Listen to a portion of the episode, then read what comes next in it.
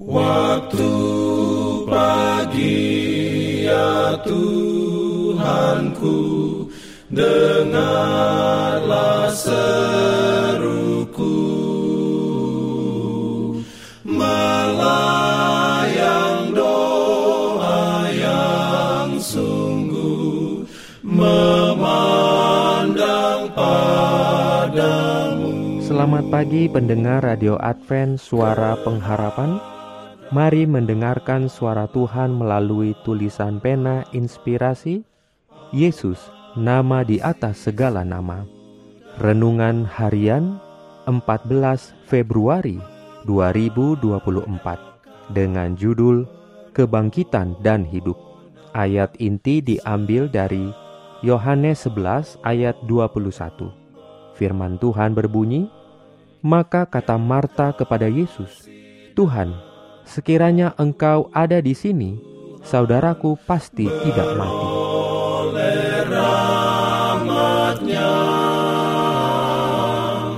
diberikannya perlindungan dalam pimpinannya. Urayanya sebagai berikut. Ketika Yesus melihat Maria menangis dan juga orang-orang Yahudi yang datang bersama-sama dia, maka masih gula hatinya. Ia membaca hati semua orang yang berhimpun.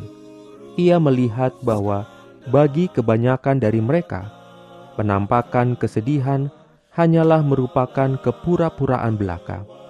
Ia mengetahui bahwa beberapa dari rombongan itu yang kini menyatakan kesusahan secara pura-pura telah merencanakan hendak membunuh bukan saja orang yang mengadakan mujizat yang besar itu, tetapi juga orang yang akan dibangkitkan dari kematian.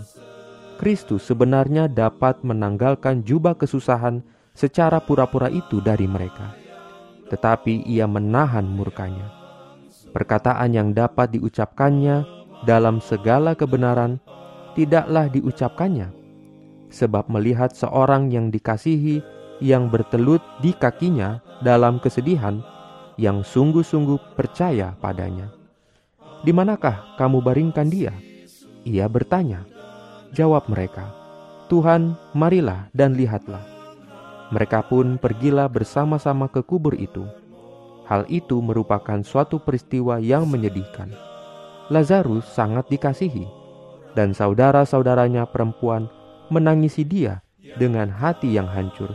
Sementara mereka yang sudah bersahabat dengan dia mencucurkan air mata bersama-sama dengan saudara-saudara perempuan yang kehilangan kekasih itu. Melihat kesedihan manusia, serta kenyataan bahwa sahabat-sahabat yang dirundung malang itu dapat meratapi orang mati, sementara juru selamat dunia berdiri di samping.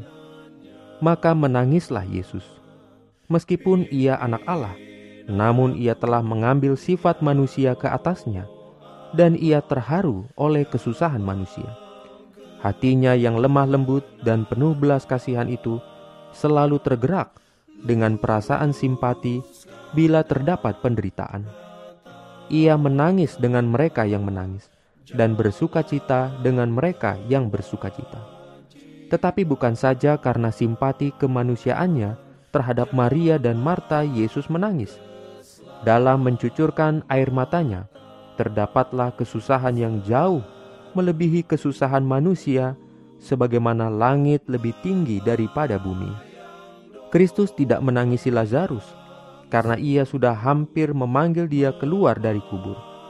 Ia menangis karena banyak dari antara mereka yang sekarang meratapi Lazarus segera akan merencanakan hendak membunuh dia yang menjadi kebangkitan dan hidup.